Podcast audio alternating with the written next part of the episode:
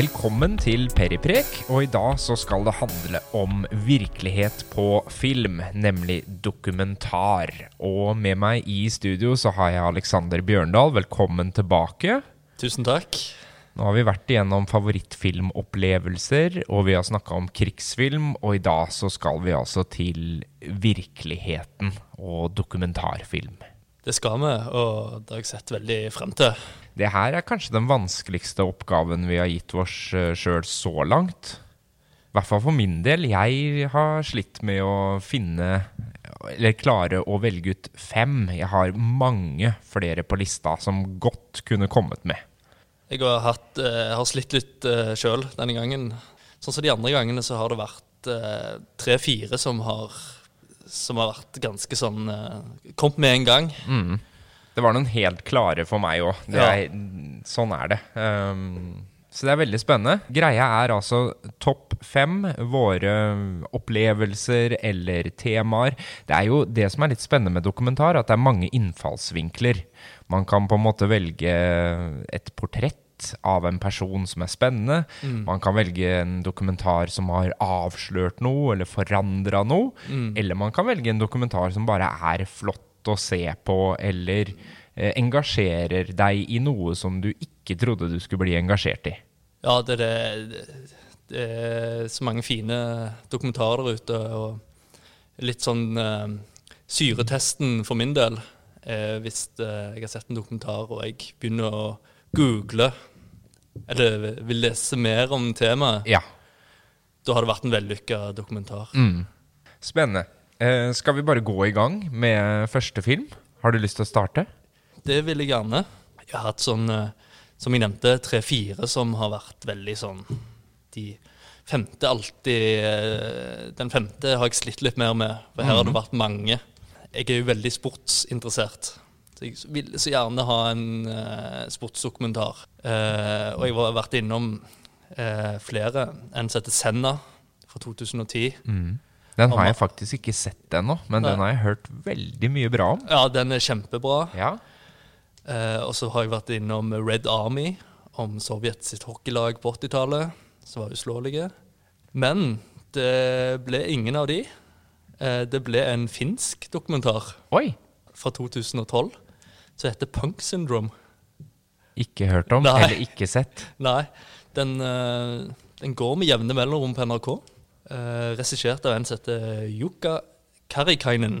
Og det er fra en institusjon med psykisk eh, utviklingshemmede, der de har rett og slett starta et band. Et punkband. Oi. Ja. ja, og de er jo Jeg vil si det er sånn Det, er punk. De, spi, de, spiller hardt, og det er punk i sin reneste form. Det er Altså, de lever jo De har mye tvang.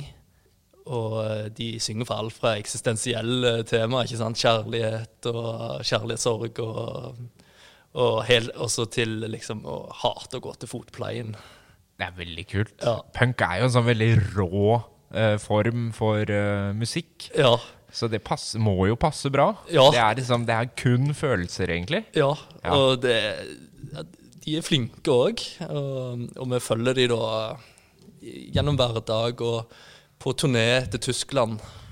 Fantastiske de som jobber med de, som lar de få oppleve alt dette her, da. Altså, han ene vernepleieren der som skikkelig følger de opp, og ja, den er jo veldig hjertevarm. Ja. Ja. ja. Så det er, det er en feel good-film, på en måte. Ja, jeg vil si det er en feel good. Men òg eh, knuse en del sånne fordommer, Ja. kanskje med, som vi har mot, uh, mot uh, disse, da. Ja, For det forbinder man jo kanskje ofte med dokumentarfilm, at det er et veldig alvorlig tema, eller en alvorlig innfallsvinkel. Og det kan det jo være her òg, selvfølgelig. Men, men at på en måte sjargongen eller eh, opplevelsen er positiv, da. Mm. Det handler kanskje ikke om sånn, de store tingene ute i verden, dette her, men den føltes viktig for det. om. Ja. Mellommenneskelige Mellom, ting. ja. Ja. Så den havna på din femteplass, da. ja, litt utrolig. Ja, er gøy. Ja, jeg, eh, når jeg ser på lista, så er det veldig sånn, litt sånn ukonvensjonell liste. Men jeg har valgt litt med hjertet denne gangen. Jeg har også det, um, og kanskje litt med hva jeg satt igjen med akkurat etter jeg hadde sett den. Eh, liksom Hvilke filmer som virkelig gjorde inntrykk på meg, eller uh, satte i gang noe, som du sier. Det å liksom få lyst til å endre noe, eller ja, mm. lære mer om et tema, mm. uh, syns jeg er veldig interessant. Jeg kan gå rett på min eh, nummer fem. Jeg ser jo på lista mi at jeg ligger veldig på 2000-tallet uh, når det kommer til uh, dokumentarfilm. Uh, og det er nok da jeg liksom oppdaga dokumentar. Mm. Um, og den her kom da jeg var 17 år. Og er kanskje ikke noe sånn kjempeoverraskelse, men var på mange måter en introduksjon til hvordan dokumentarfilm kan være et litt sånn lekent medie, da. Mm. Og det er Michael Moore og 'Bowling for Columbine'. Ja. Ja. Fra eh, 2002. Den hadde jo veldig effekt på meg eh, første gang jeg så den. Både fordi at det var et tema som jo var eh, fælt og spennende. Eh, det handler jo da om Eller ta utgangspunkt i en skolemassaker i USA, eh, på Columbine High School, hvor to unge menn gikk inn og begynte å skyte sine klassekamerater. Og hadde jo da planlagt det her over lengre tid. Og den har jo det, det er jo på en måte det som uh, tar deg inn i filmen. Uh, og er jo også litt sånn Man har jo man vet jo ikke helt om hva man har lyst til å se eller ikke. Eh, det er jo også en ting med dokumentarfilm. Mm. men man blir jo litt, nysgjerrig eh, i starten på det. Og så har jo Michael Moore sin stil, og man kan jo si hva man vil om han eh, og hans andre filmer som kanskje noen ganger har gått litt langt.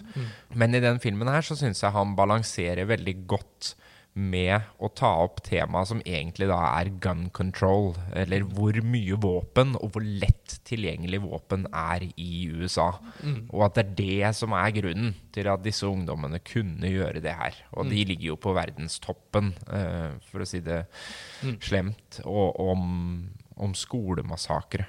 Um, så, så en film som tar for seg veldig mange aspekter, uh, og henter inn ikke bare Han bruker jo masse arkivklipp og andre virkemidler, og veldig sterke virkemidler, for å fortelle den historien. Og da oppdaga jeg nok liksom hva slags effekt dokumentarfilm kan ha, da.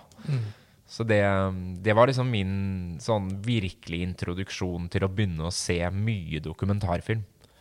Kan jeg bare røpe at det var min introduksjon òg.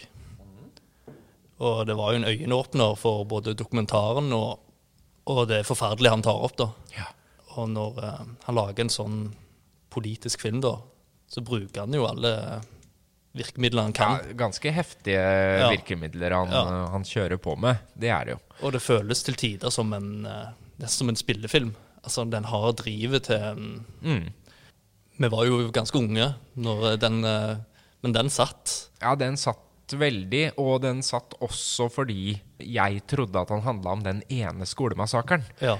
Og så var på en måte temaet så veldig mye større, for det var ikke en enkeltepisode, eller det var ikke én ting som skjedde. Det her har skjedd igjen og igjen og igjen. Mm. Uh, og de samme våpenlovene fortsetter å utvikle seg, og de samme demonstrasjonene pågår på nytt og på nytt. Mm.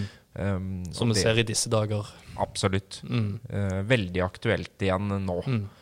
Du har jo sånn to leirer innenfor dokumentar, eh, sånn jeg har forstått det. Du har disse puristene som bare videokamera skal fortelle. En objektiv dokumentarfilm, ja. Og så har du Michael Moore som kjører. Det er helt sant. Hardt Det er jo en kjempesubjektiv eh, politisk film, som du sier. Og funker så bare det. Ja, ja, den gjorde veldig inntrykk på meg. Så den, uh, den kom inn på lista. Etter vi er ferdig med lista, så må vi jo ta de som ikke kom med. Ja. Og det var, det var to som lå og lura veldig. Så er det en lang rekke etter det, men, Ja. men den måtte klamre seg fast fordi det var på en måte introduksjonen. Mm. Da går vi til nummer fire Ja. på Alexander sin liste. Dette er da et sånt eh, et portrett av en artist. eh, En tegneserieskaper som heter Robert Crumb. Folk som eh, ikke har hørt om han, han er liksom Han, han er, gudfaren av indie-tegneserier. jeg har sjøl aldri vært så veldig opptatt av han. Jeg syns tegneseriene hans har vært liksom vulgære. Jeg tåler jo en del, men hans har liksom vært litt over the top for min del. Han har noen mesterverk. Han har jo lagd en tegne, tegneserie av Det eldre testamentet. Gamle testamentet. Som er jo, er jo hans kanskje mesterverk. Eh, og um, denne dokumentaren om, om hans virke da, er fra 1994 og regissert av en som heter Terry Swigoff, som gikk videre og lagde Ghost World. Ja. Mm. ja. Så han har jo Som eh, også har noen tegneserieelementer i seg. Ja. Den, er, den er også basert på en tegneserie. Det er òg basert på Danny Close. Eh, men eh, hvorfor skal den her på lista mi når jeg ikke er så opptatt av uh, Ja, det lurer jeg på. Ja, den var bare Du blei bare sugd rett inn i denne filmen, da. Og fascinerende. Altså, det er jo òg et familieportrett av en ganske dysfunksjonell familie. Veldig sånn uh, intellektuelle fra Philadelphia. Uh, men noe har gått helt galt her. Eh, og særlig storebroren til Robert Crump, han som lærte han å tegne, han har det gått veldig ille med. Så han har isolert seg, og han møter vi ganske mange ganger i den dokumentaren. Og han sier så utrolig mange sånne smarte ting, men, du, men han er helt sånn Ja, På utsida av samfunnet. helt på utsida av samfunnet. Og det er bare helt fascinerende måten han og Han heter da eh, Charles Crump og, og broren Robert, så det handler om eh, deres relasjon. Eh, og ja, det er liksom innblikk i noe helt annerledes. Og det, det faller jeg ofte for. Men handler det liksom mest om hans liv og hvordan han tegner, eller hvordan han har blitt den eh, tegneserieskaperen han er? Begge deler. Eh, hans eh, posisjon da i tegneserieverden og familien og Men det jeg syns mest eh, Det jeg likte best, var jo eh, hans oppvekst. da. Og han, han har òg en annen bror som heter Maxon Crumb, eh, som òg eh, Som lever i sølibat. Han får epilepsi av å ha sex. Oi, Ja. så tråkig. Og han eh, Charles Crumb har isolert seg, for han, han tror han er pedofil, noe han ikke er. Oi. For en gjeng. Og det Ja. eh, denne, denne her var jo eh, Fikk veldig strålende kritikere når han kom ut, men har blitt litt glemt. Eh, men det var snakk om han, at han skulle bli nominert til Oscar. Ja. Men komiteen de orka ikke se mer enn 20 minutter av denne filmen. Men er det, er, det drøyt, på en måte, eller er det bare er bare- beskrivelsene av folka? Det er bare ekte. Ja. Mm. Det er rått og ekte. Hva var tittelen? Heter bare Crump. Den heter Crump. Ja. Nei, det må jeg få sjekka ut. Ja. Er, er den tilgjengelig, vet du det, eller? Han er vanskelig tilgjengelig. Ja. Um, Finner den ikke på iTunes, liksom? du kan ha flaks og Ja. finne han på noen strømmetjenester. Eller så er det jo å låne han gjennom ditt lokale bibliotek. Ja, for den fins på Fredrikstad bibliotek. Han uh, fins ikke der, men vi kan få, han, få tak i han. Ja. Uh, ellers er det å kjøpe han gjennom pla Bestille den Ja, fra en eller annen Ja, nettbutikk. fysisk. Og det er litt synd. Kult. Ja.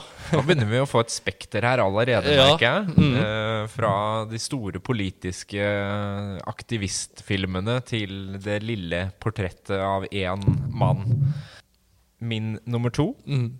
det er eh, Jeg hadde lyst til å ha med én film som var litt lettere til sinns. Eh, Jeg så på lista med at jeg liker veldig godt filmer som kanskje avslører store ting og har veldig tunge temaer. Eh, og så har jeg én favoritt som bare er Du kan lene deg tilbake med en stor uh, popkornskål og Ja. kose deg. Ja. Og det er en film fra 2007 som heter The King of Khan. ja. A Fistful of Quarters. Den er gøy. Den er gøy. Den har du sett. Ja. Det er da Seth Gordon som er uh, regissør. Um, og det handler rett og slett om uh, Steve Weeby som utfordrer verdensmesteren i Donkey Kong. Og da snakker vi ikke TV-spill, da snakker vi gammeldags arcade-spill. Altså du må bestille en svær maskin som står i garasjen din, eller du må gå på et spillsenter, og den arkademaskinen den har bare ett spill, og det er Donkey Kong. Og Utgangspunktet er jo da at Billy Mitchell han er verdensmester i Donkey Kong. eh, by far. Eh, han har klart å få en score på 860 000 eller noe sånt. Og Donkey Kong blir jo regna som det vanskeligste arcade-spillet som noen gang er laga. Det er helt enorm teknikk, synkronisering som må til for å klare å slå Donkey Kong, da. Det er altså så mange feller i det spillet. Og så har du Steve Wiebe, da, som er en skikkelig sånn eh, science-nerd. Han er lærer som blir uh, sagt opp eller mister jobben, og har veldig mye tid til overs. Og bestemmer seg da for Han gjør bare et lite søk på nett og finner ut at ah, Donkey Kong, der er det en som heter Billy Mitchell som har verdensrekorden. Og det er ingen som egentlig vet hvor høyt scoren kan gå da, på dette spillet. Så han bestemmer seg for at han her, han skal jeg slå. Så han skaffer seg Donkey Kong, og så sitter han i garasjen og spiller og spiller og spiller. Og så er jo da Det store er jo om han klarer å slå Billy Mitchell.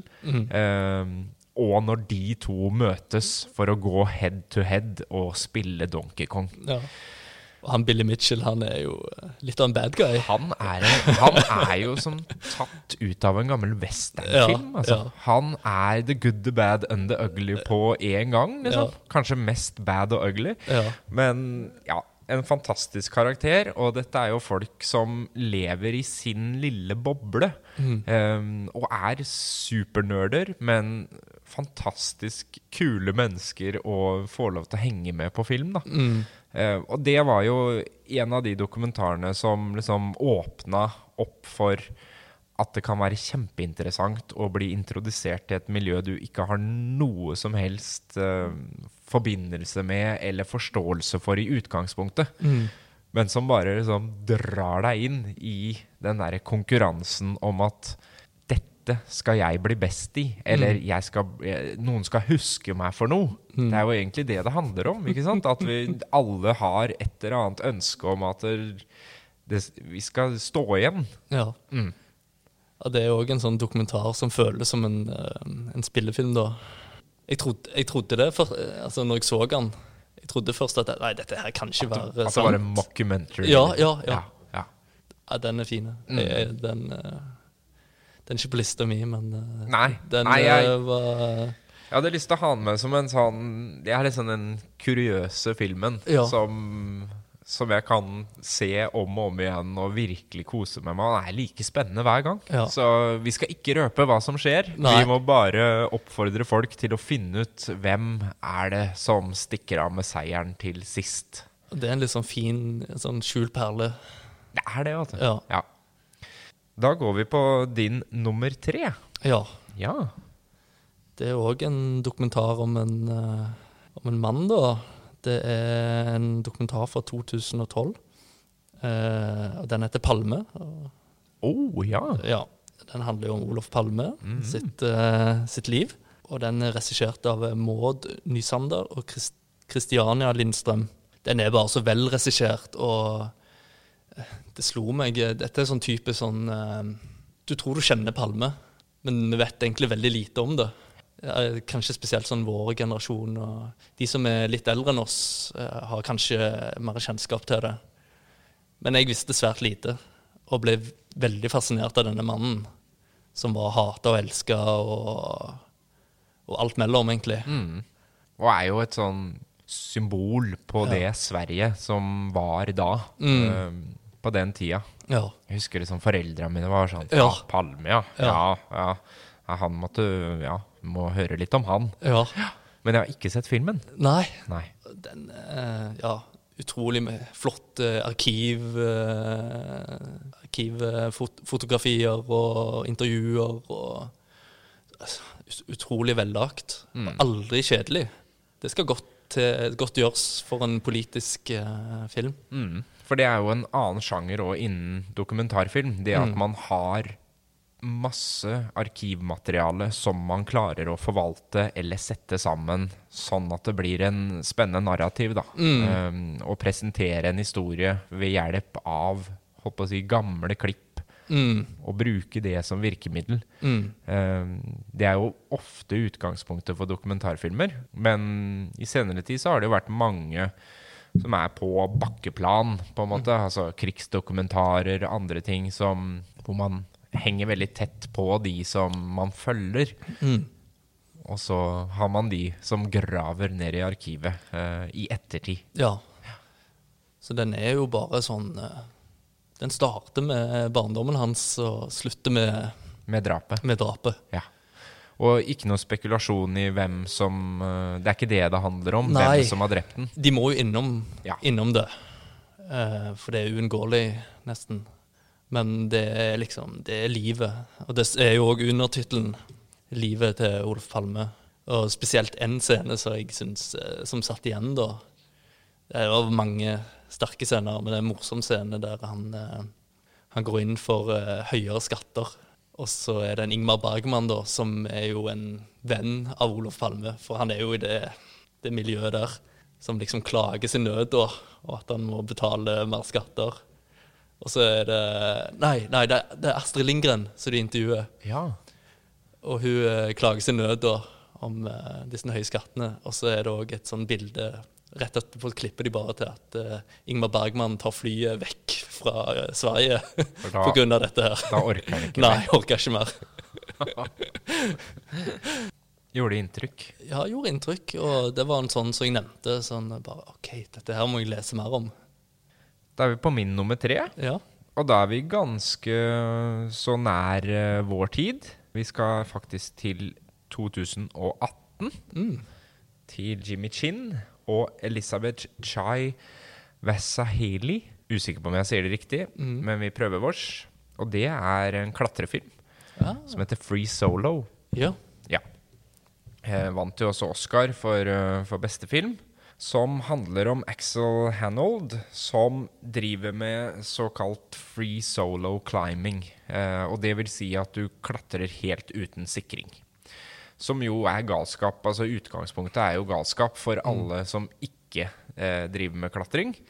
Um, og så har den jo den derre utrolige effekten at det, samme om du har prøvd å klatre eller vet noe om det, eller ikke, ikke vet noe om det i det hele tatt, så blir du liksom dratt med inn i historien. Um, for det handler jo da om El Capitan, som er den store veggen i Yellowstone naturreservat naturreservat i USA, eh, som veldig mange har klatra. eh, og Axel Hannell har også klatra den mange ganger, men ikke da free solo. Nei. Nei.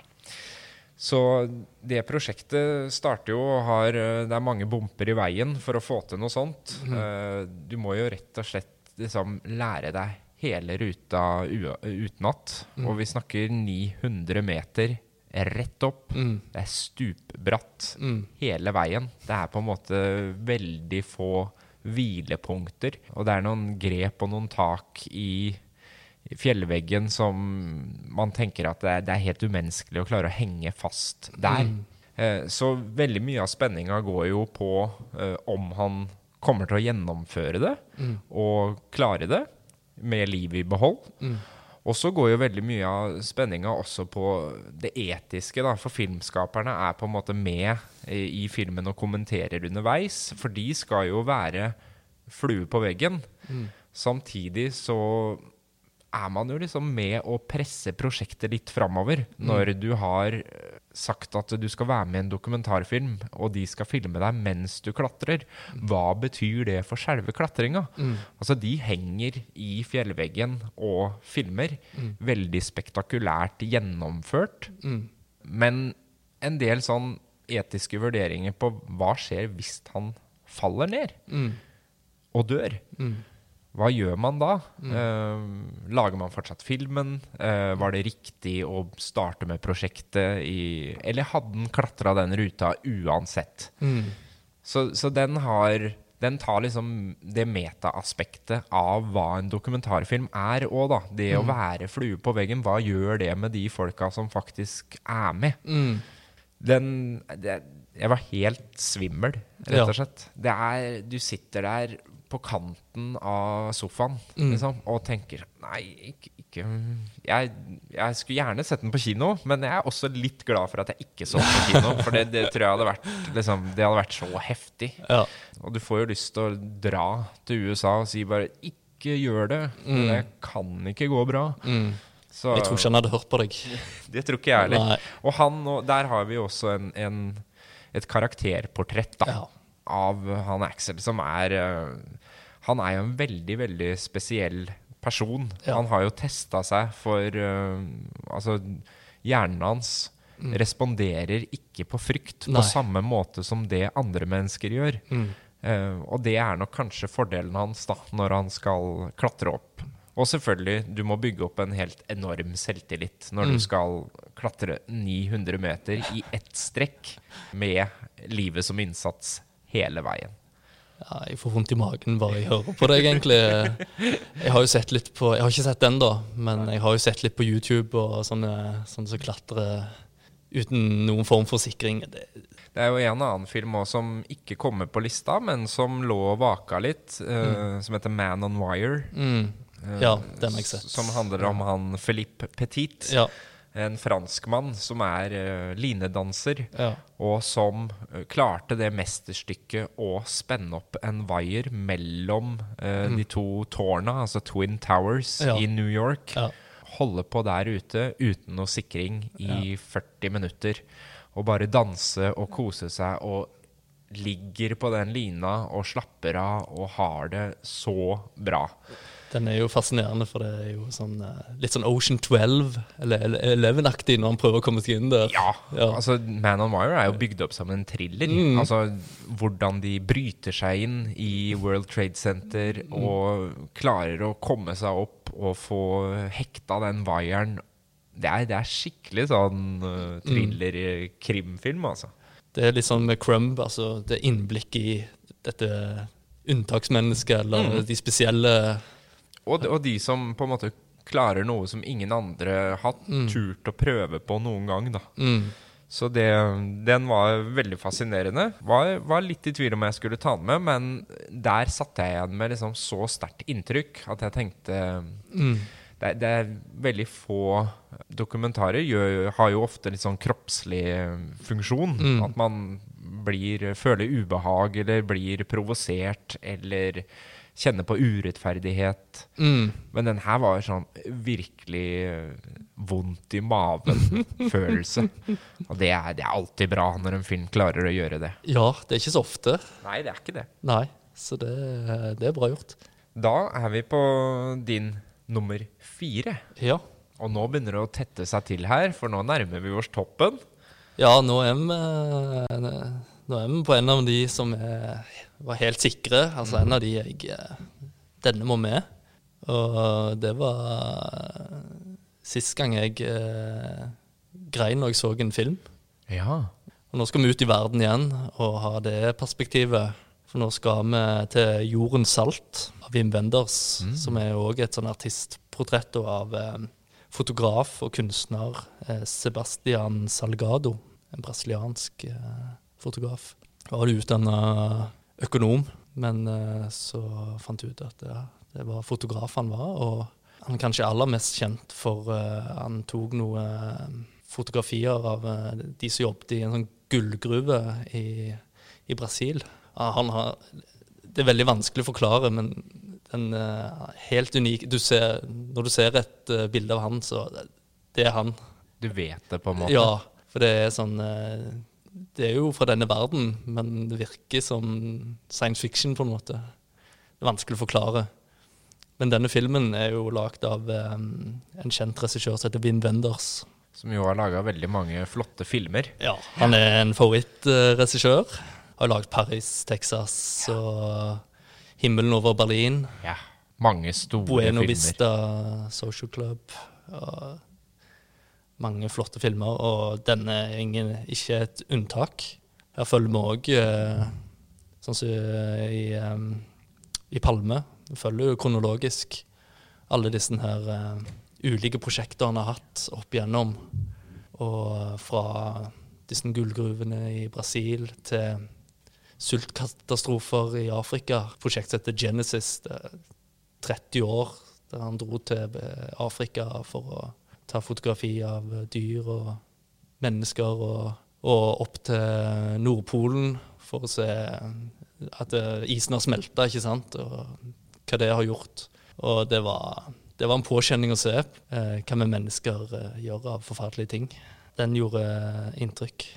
Men er den, er den liksom, siden det er et fotografisk materiale som er på en måte bakgrunn, er den veldig spektakulær, flott, Mm. pent filma? Er det liksom det som uh, Ja. trekker deg litt inn?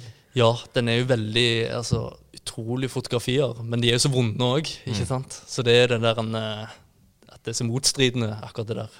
Ja, for det er jo ofte sånn at når en, ja, en regissør som både er dokumentarfilmskaper og uh, spillefilmregissør, da, Mm. uh, så er det ofte en Kall det penere dokumentarfilm å se på. Mm. Veldig ofte så er det jo Dokumentarfilm er liksom forbundet med litt sånn håndholdt kamera, kanskje opptak som man har gjort sjøl, Mm. eh, som personene som er med, har filma hjemme. Mm. Gamle bilder, sånne ting. Mm. Eh, mens når Wim Wenders lager noe, så, så ser man kanskje at kameraføringa er fra en spillefilmregissør. Mm.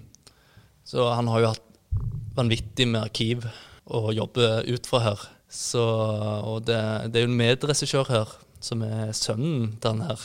Aha. Og de krangla visst veldig om eh, hvordan de ville, ville lage den filmen, da. De hadde nok noen forskjellige perspektiver på det. Men du var Men- fornøyd med resultatet til Wing Veldig Wenders? fornøyd med krangling og resultatet. Den kunne godt vært nummer én.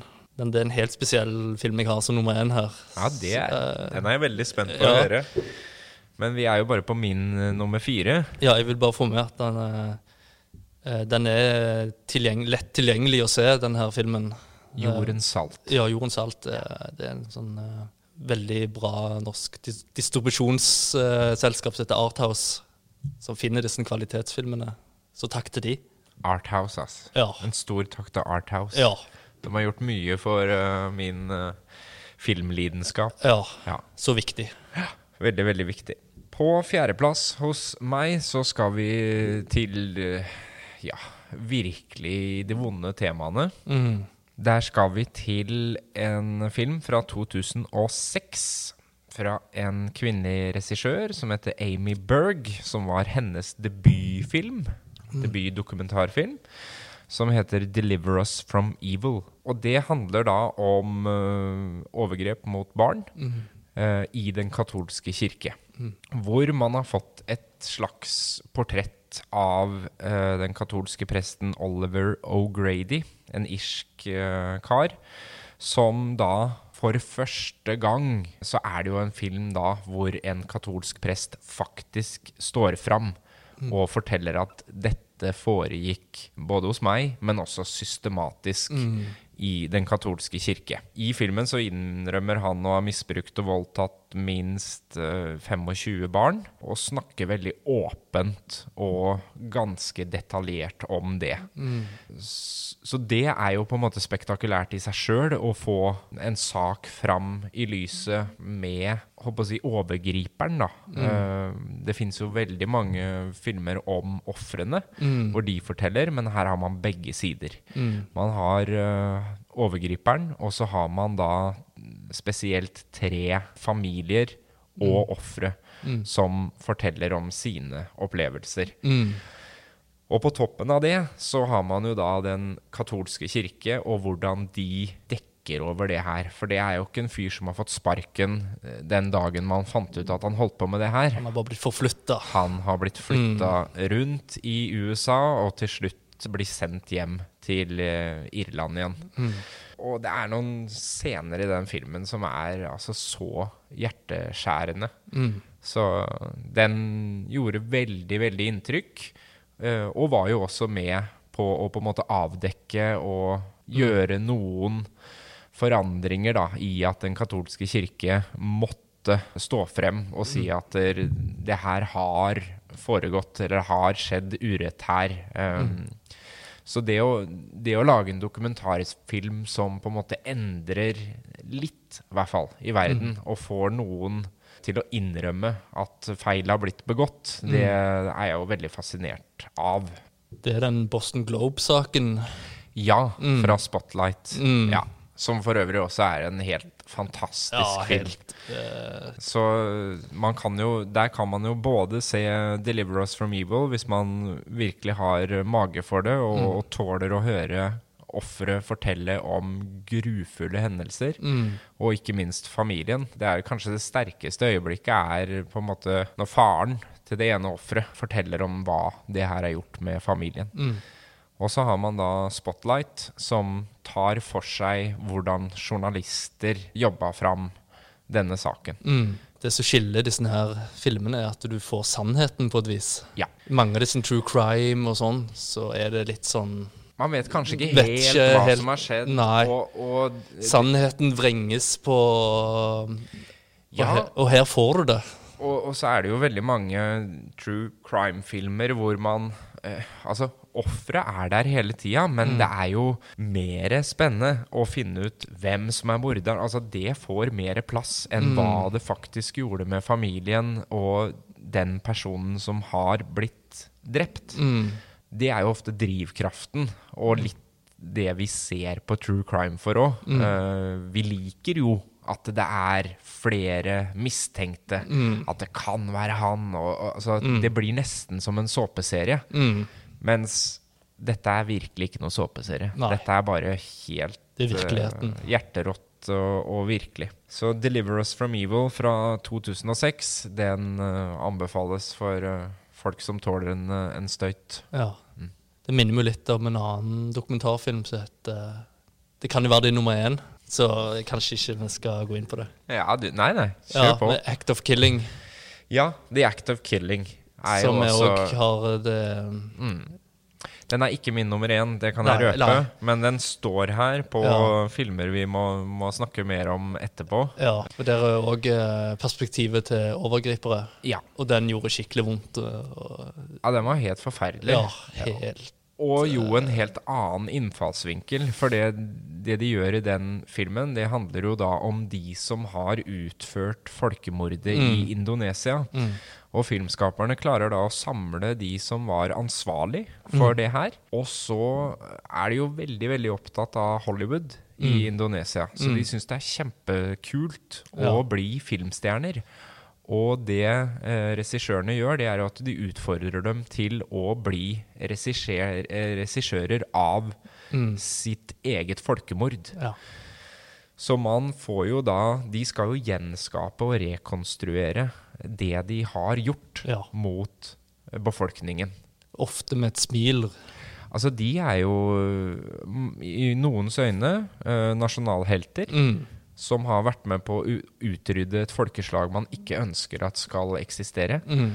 Og de går jo De tar tak på denne jobben med stor gnist, Ja. vil jeg si. Og de, de tar virkelig grep og sier til de små barna Nei, nei, du må gråte mer. Du må Mm. hyle og skrike. Ja. Når vi skal brenne dere, så må dere, da må dere løpe ut. Altså, det er Det er helt vilt. Jeg har sett mange ubehagelige filmer, men det er en av de verste. Mm. Den er veldig, veldig hard. Ja. Den er ikke på lista mi, men um, den er verd å nevne. Ja, absolutt. Det er noe, min nummer eh, fem, eller nummer én, Nå er det rett og slett på din førsteplass. Ja. Og nå er jeg veldig spent. ja. Og det er nok en uh, uh, Ja. Jeg må nok en gang takke Arthouse for denne utgivelsen. For det er en film som heter 'Heart of a Dog' fra 2015. Aha. eh, regissert av Laurie Anderson, som er en performancekunstner, eh, musiker, litt av hvert. Vært sammen med Lou Reed og har lagd en eh, Hvordan skal jeg forklare denne filmen? Eh, et essay om Ja. hennes forhold til hunden. Jaha. Da skal det være bra for Ja. at han havner på toppen. uh, men her er det Det er så lekent. Og hun er så Hun er morsom. Hun har så mye livsvisdom. Og det er buddhisme inni her. Og det er hun leker med forskjellige sjangre. Hun har animasjon, og hun har det der perspektivet utover seg sjøl. Altså samfunnet etter eh, 9-11, det overvåkningssamfunnet, eh, toucher hun inn på. Veldig sånn hjertevarmt om eh, hennes forhold til denne hunden, da. Så enkelt, men Menneskets beste venn. Ja. Eh, Så enkelt, egentlig, men den bare satt. Ja, en av de sterkeste opplevelsene jeg har hatt. Og den er en sånn film jeg alltid hm, pusher på folk, eh, og de blir aldri skuffa når de får sett den her. Men også en feel good-dokumentar, på en måte. jeg vil ikke si det er en feel good. Nei. Nei. For her er det mye eh, Mange- eksistensielle kriser og, Et samfunnsproblemer og mye som kommer opp. Det handler om mye. kunstnerliv. Et kunstnerliv. Et levd liv. Ja, Ja. det bør være Og hun har opplevd mye. Det bør ikke bare være en dans på roser da. Nei, fantastisk musikk og Nei, alt bare um, klaffer. Og visuelt uh, vakker. Ah, ja, det er, jo, eh, det er jo kunst, da. Som fungerer. Altså som fungerer som fortelling. Mm. Og det syns jeg er sjeldent, da. Det er fantastisk. Jeg har jo ikke sett noen av de på lista di. Nei, nei. Det er helt utrolig. Jeg sa det var en litt ukonvensjonell liste. Jo, jo. Det er kanskje Jordens salt, da, som den visste jeg godt om. Og Ja. har, eh, har som et lite svart hull. Ja. Så den må jeg jo få sett. Ja. Men eh, jeg skjønner at jeg har fire til på lista som jeg må, må føre opp. Men jeg gleder meg òg til å snakke litt om de som ikke kom med på lista etterpå. Ja, ja, ja. Uh, For det er så mange det er veldig mange her som kunne vært bytta ut. Det må vi jo Mm. si. Og jeg har jo, har jo valgt litt sånn forskjellige eh, Mhm. filmer. Eh, Mm. og innfallsvinkler til dokumentarsjangeren når jeg har satt opp den topp fem, da. Men da er vi jo helt på toppen hos meg, da. Nå er jeg spent. Ja, Ja. Klarer du å gjette?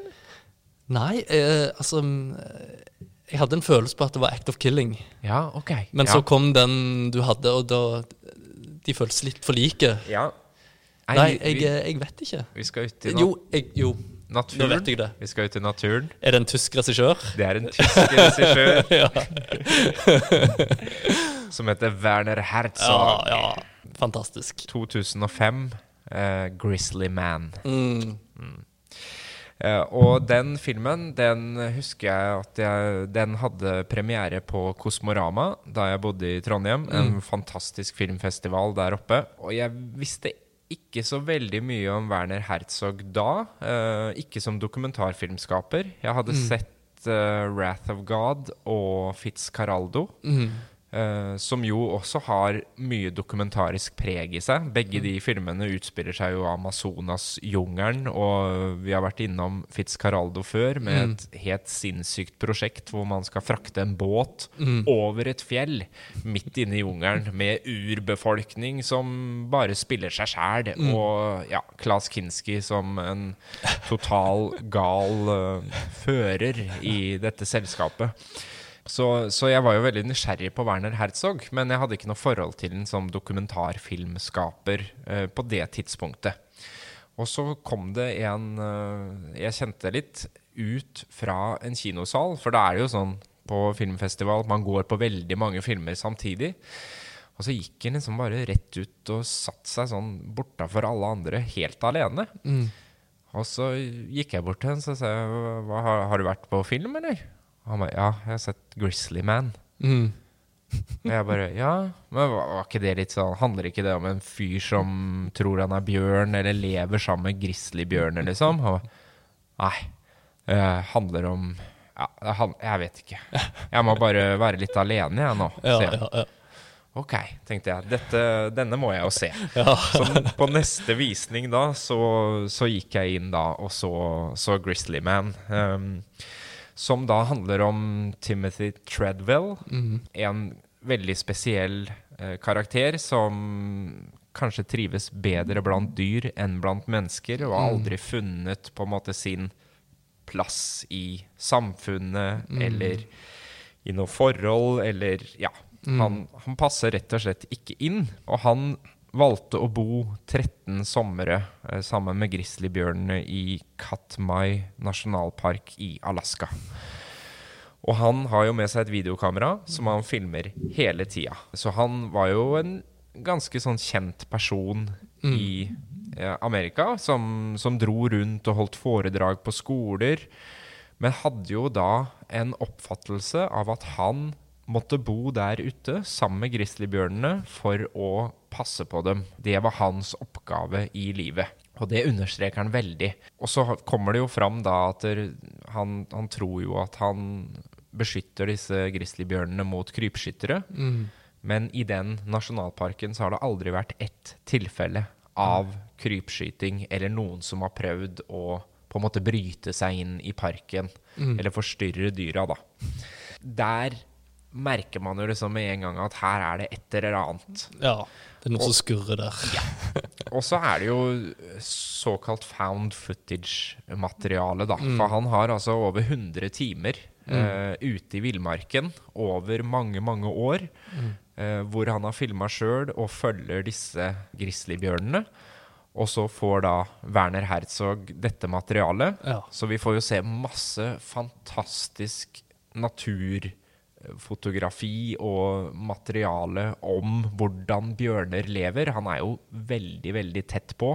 Veldig. Litt for Eh, tett og det holder jo på å gå gærent mange ganger. Ja. Eh, så man sitter jo hele tida og liksom venter på at nå skjer det. Og vi får jo veldig tidlig i filmen vite, det er, det er jo for så vidt ikke noe spoiler, han blir drept. Mm. Det er, det er også utgangspunktet for filmen, å prøve å finne ut av hva var det som gjorde at han valgte det livet, og at han ble drept på den måten han gjorde. For det er en grizzlybjørn som rett og slett spiser den. Ja. Og det er jo en sånn film som heter Det er veldig få regissører andre enn Werner Herzog som kunne tatt det prosjektet og gjort det til det det er i Grizzlyman. Mm. Uh, det er hans uh, litt sånn kvasidialekt uh, Han har voiceover på den. Han har voiceover. Ja. The bear is very good. Han Jeg elsker er- den ja. han, han har jo, og han er jo dønn ærlig. Werner Herzog er en person som du ser også i filmene hans. Han legger ingenting imellom. Aldri. Mm. Så det er en utrolig opplevelse å få lov til å være med på det. Og samtidig så handler det jo veldig mye om hva det vil si å være menneske. Mm. Menneske, menneskets plass i naturen. Mm. Fordi der ute så er jo ikke Timothy Threadwell som er sjefen. Det er faktisk grizzlybjørnene. Og mennesker er jo som regel vant til å sette seg i situasjoner hvor de er Mm. den som bestemmer. Han vil så gjerne høre til en gruppe. Og det er jo også sånn hjerteskjærende, da. Mm. Hvordan han på en måte ikke har funnet en venneflokk blant mennesker. Nei. Så han søker ut til dyra og prøver hvert eneste år å bli en del av denne Mm. bjørneflokken. Jeg, jeg tenker at Werner Herzog har funnet sitt motstykke, da. Ja. Som han er dypt fascinert av. For mm. Werner Herzog har alltid vært klar over at han er, han er livredd naturen. Naturen er død for han. Ja. Men så, treff, så finner han dette her, da, og finner en som bare har et 100% romantisk forhold til naturen. Og samtidig så har jo Werner Herzog valgt å spille inn veldig mange av filmene sine i vill natur. Ja. Også noen av de andre dokumentarfilmene hans, uh, 'Journey to the Edge of the World', Kjempebra. uh, Ja. som tar for seg litt av den samme tematikken. ja. Og treffer disse her som er på Antarktis, er det ikke? Jo, det er jo en liten, liten uh, folkemengde Ja. som bor, bor fast på Antarktis. Ja. Og spesielt kanskje én som er eh, forsker, som har bodd tre år helt isolert Mm. ute for å studere pingvinene. Mm. Uh, og da er det jo en scene i 'Journey to the Edge of the World'. Altså han, han forteller om at innimellom så er det en eller annen pingvin som velger å bare snu seg bort fra flokken. Ja. For de står jo i, i koloni hele tida. Ja. Og så bare begynner den pingvinen å løpe ut i intet. ja. Altså, den blir enten desorientert, eller om han ikke bare Han orker ikke å være der hvor alle de andre er lenger. Og det er en han- eh, Og det er jo Treadwell. Det er Treadwell. Ja. Og det er jo også fantastisk når han, forskeren, som da for første gang på tre år møter dette kamerateamet og skal fortelle om sin forskning, og han sitter og forteller om dette som det er en dagligdags ting, Eh, og så sier han We don't know why they do that. og denne personen har ikke sett folk på tre år. Nei, nei. Så Werner Herzog har jo en sånn egen eh, evne til å finne de karakterene som er så langt på utsida av samfunnet at Ja. de, de kommer aldri til å komme tilbake. Jeg er jo superfan av Werner Herzog. Jeg vil bare komme med en, en siste Werner Herzog-film. En dokumentar, da. Eh, 'My Best Fiend', som er om hans forhold til Klaus Kinski. Ja. Som òg er en spesiell karakter, da. Som ble jo hans uh, store skuespiller i disse mest kjente Du nevnte jo Fitzgeraldo her. Det er som eh, Det minner meg om eh, eh, Jerry Seinfeld og Kramer. Det forholdet de har. Og det, Bare, bare litt mer ekstremt, kanskje. ja, de krangler jo mesteparten av tida. Så det, det er jo en dokumentar om krangling.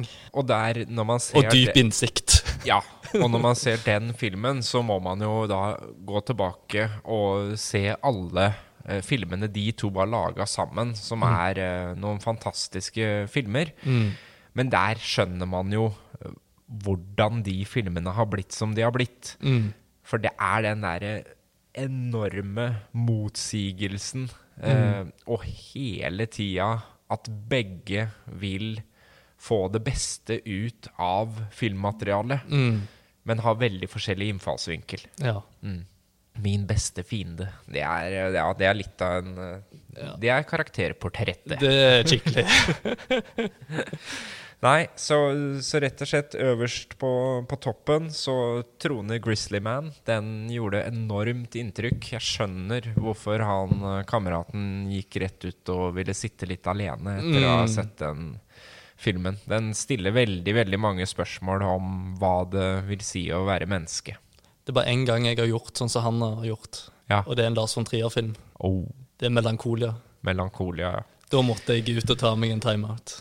Det skjønner jeg. Ja. For der eh, blir det jo også Det er jo hele prosjektet med Melankolia er jo å sette de som ser den, i sinnsstemningen Melankolia. Det kan i grunnen ikke gå veldig mye verre enn det gjør der. Nei. Nei. Ja. Yes! Da er vi ferdig med, med topp fem-lista. Mm. Det er mye å ta tak i, og det er mye å glede seg til for dem som ikke har sett disse dokumentarene. Men så har det seg jo sånn da, at eh, når vi eh, satt opp disse listene, som vi for øvrig ikke visste noen ting om hva den andre valgte, så hadde vi jo, eller i hvert fall jeg, hadde mange på lista som jeg måtte stryke én etter én. Så du kan få begynne med å ta et par av dine som ikke nådde helt opp, men som var gode kandidater.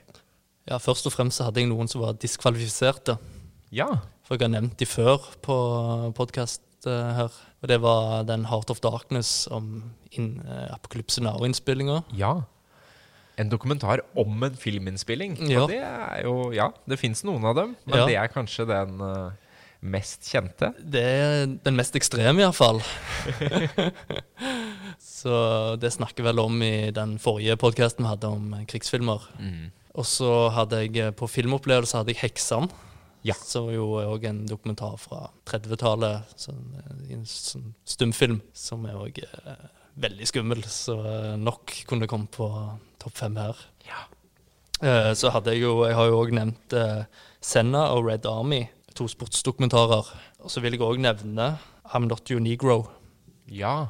Raoul Peck fra 2016 om, eh, om James Baldwin. Tenk meg litt det som skjer i USA nå. Veldig aktuelt. Ja. Som er, han var jo gode venner. Han er Forfatter og filosof, da. Og var god venn med Malcolm X og Martin Luther King.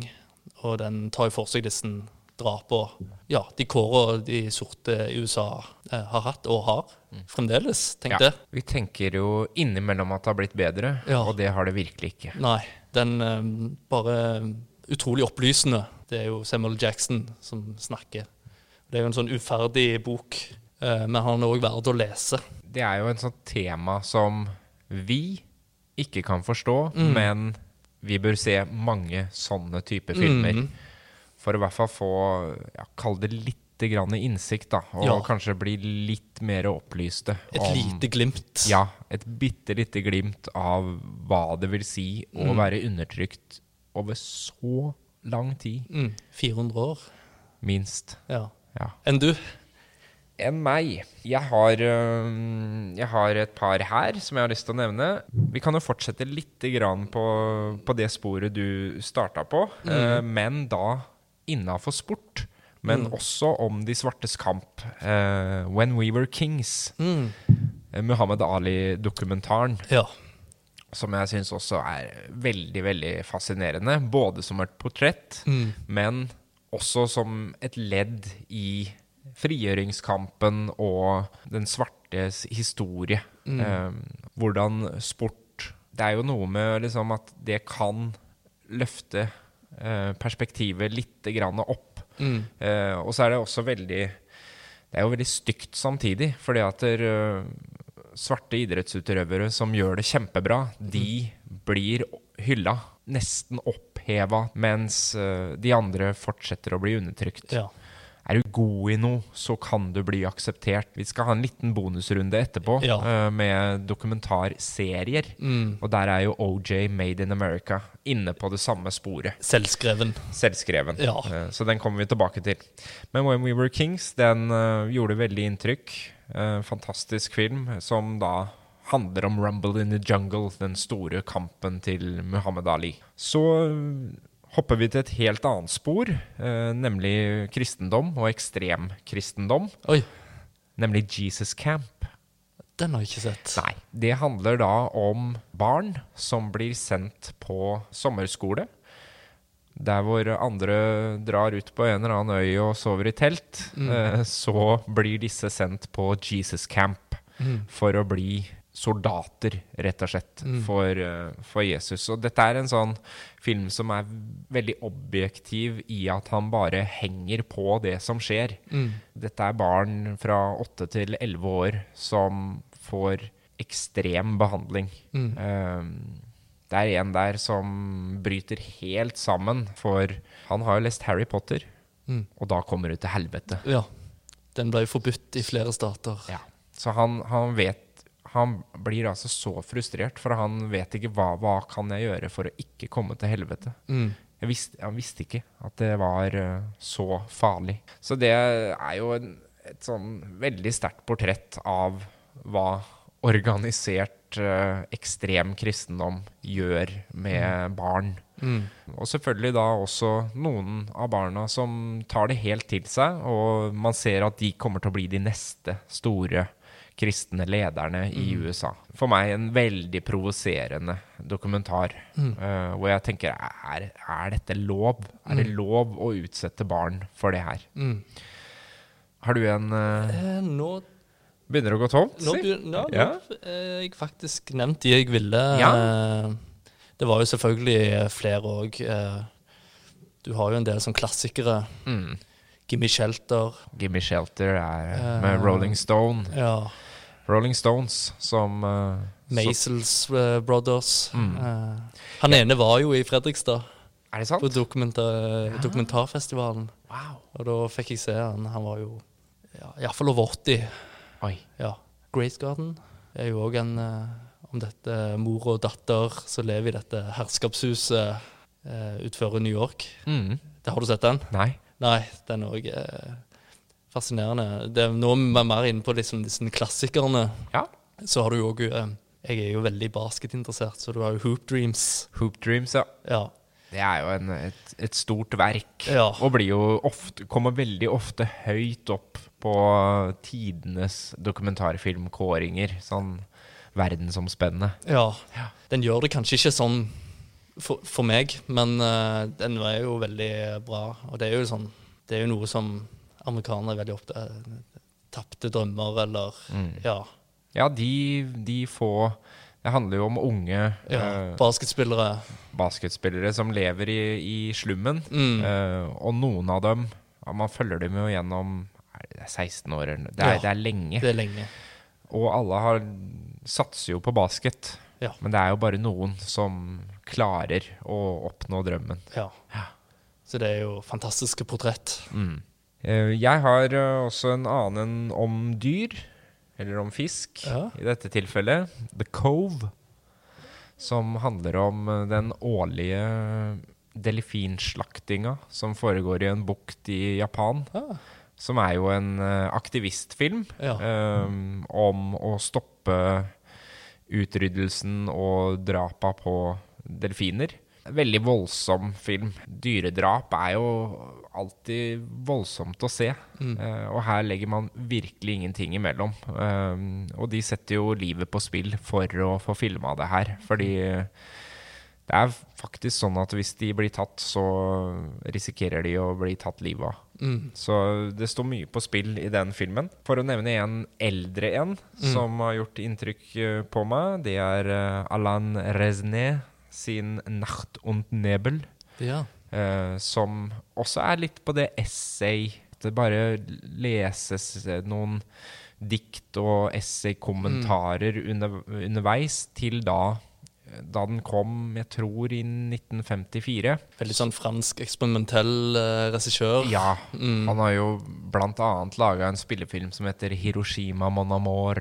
Den er Som også er en, en Ja. kunstfilm om uh, Hiroshima. Da. Veldig, veldig sterk. Er Veldig og- glad i den. Ja, den er veldig flott. Men han har da samla det som på det tidspunktet var tidligere uutgitte klipp fra uh, Auschwitz og andre konsentrasjonsleire. Mm.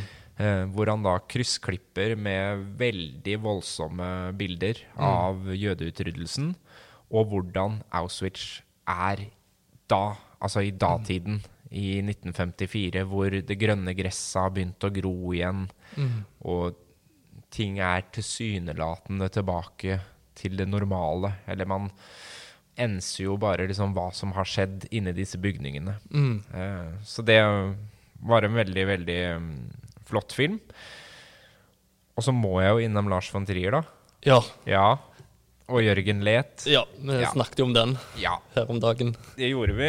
Eh, Den kunne jo fort kommet på lista, men er jo, er jo veldig sær og veldig for spesielt interesserte. Jeg trodde du hadde den på lista, faktisk. Ja, jeg kunne fort hatt det, altså. Ja. Eh, Jeg valgte å gå litt mer mainstream. Ja. Men det er altså Lars von Trier som utfordrer sin mentor, Mm. Jørgen Leth, en kjent uh, filmskaper fra Danmark, Mm. som har laga en kortfilm som heter 'Det perfekte mennesket'. Og han setter da fem benspenn på sin mentor. Og det er å lage denne filmen på nytt. Mm. Med noen veldig strenge restriksjoner eller regler. Mm. Og det er jo litt i den dogmetradisjonen da, som Lars Ja. von Trier liker å gi seg sjøl noen uh, hinder langs veien. Du Ja. får ikke bruke eh, lys, du får ikke bruke ikke-diegetisk lyd, du får Altså, han gir seg og, og hva man kan skape ut fra restriksjoner. Ja. Det er jo veldig spennende. Hva er det han drar til India Ja. tidspunktet? Han blir jo sendt til India og må sitte og lage en film der. Og det, den, er, den blir ganske heftig. Han begynner å slite etter hvert. Ja. Han sitter jo da i det mest fattige strøket i India, og det perfekte mennesket går jo mye ut på at det er et perfekt menneske som spiser et måltid. Så han sitter der med fantastisk oppdekka bord i smoking og hvite duker og spiser mat, mens disse superfattige, veldig sultne, stakkars barna står rundt og ser på. Og det Ja. Ja. Trenger ikke si mer enn Nei, det. Se, ikke se den filmen.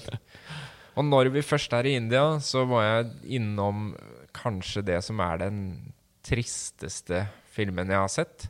Kanskje ikke gir noe håp. Mm. Det er en film som heter 'Born Into Brothels' Mm. fra Calcutta. Mm. Hvor man da følger barna til prostituerte i India. Mm. Der hvor de prostituerte har hvert sitt lille rom som kundene kommer inn på. Ingen prevensjon, ingen uh, beskyttelse. Så det vil jo bli født barn her underveis. Og hvordan de da tar vare på disse barna samtidig som de uh, må leve av det de lever av, og hvordan de barna vokser opp og i stor sannsynlighet kommer til å møte akkurat den samme skjebnen og følge eh, morens eh, yrke videre. Det er eh, Den var altså så vond. Jeg tror vi helt på tampen her må um, nevne Margaret Olin. Ja, Margrethe Olin skal nevnes. Ja. Er jo en fantastisk eh, filmskaper. Hva liker du best der, da? Oh, det er vanskelig å velge. Ungdommens råskap, kanskje? Ja. Eller kanskje barndom?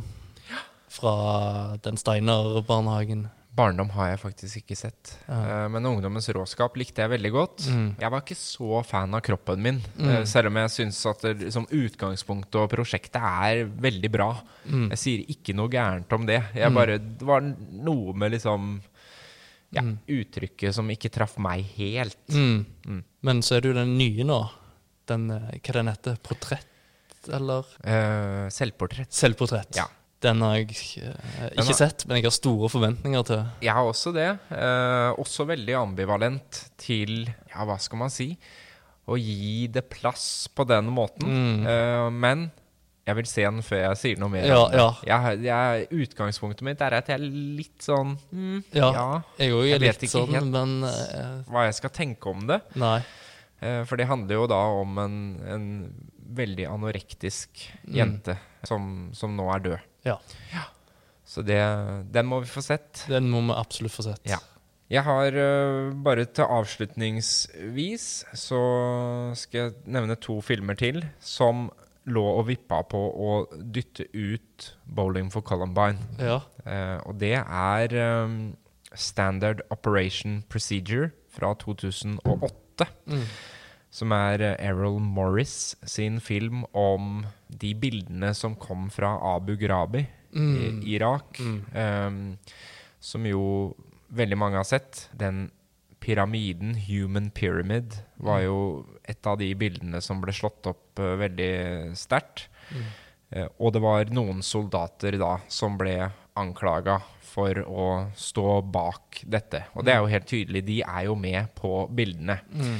Men det Errol Morris har fått til, det er jo da å intervjue disse menneskene. Ja.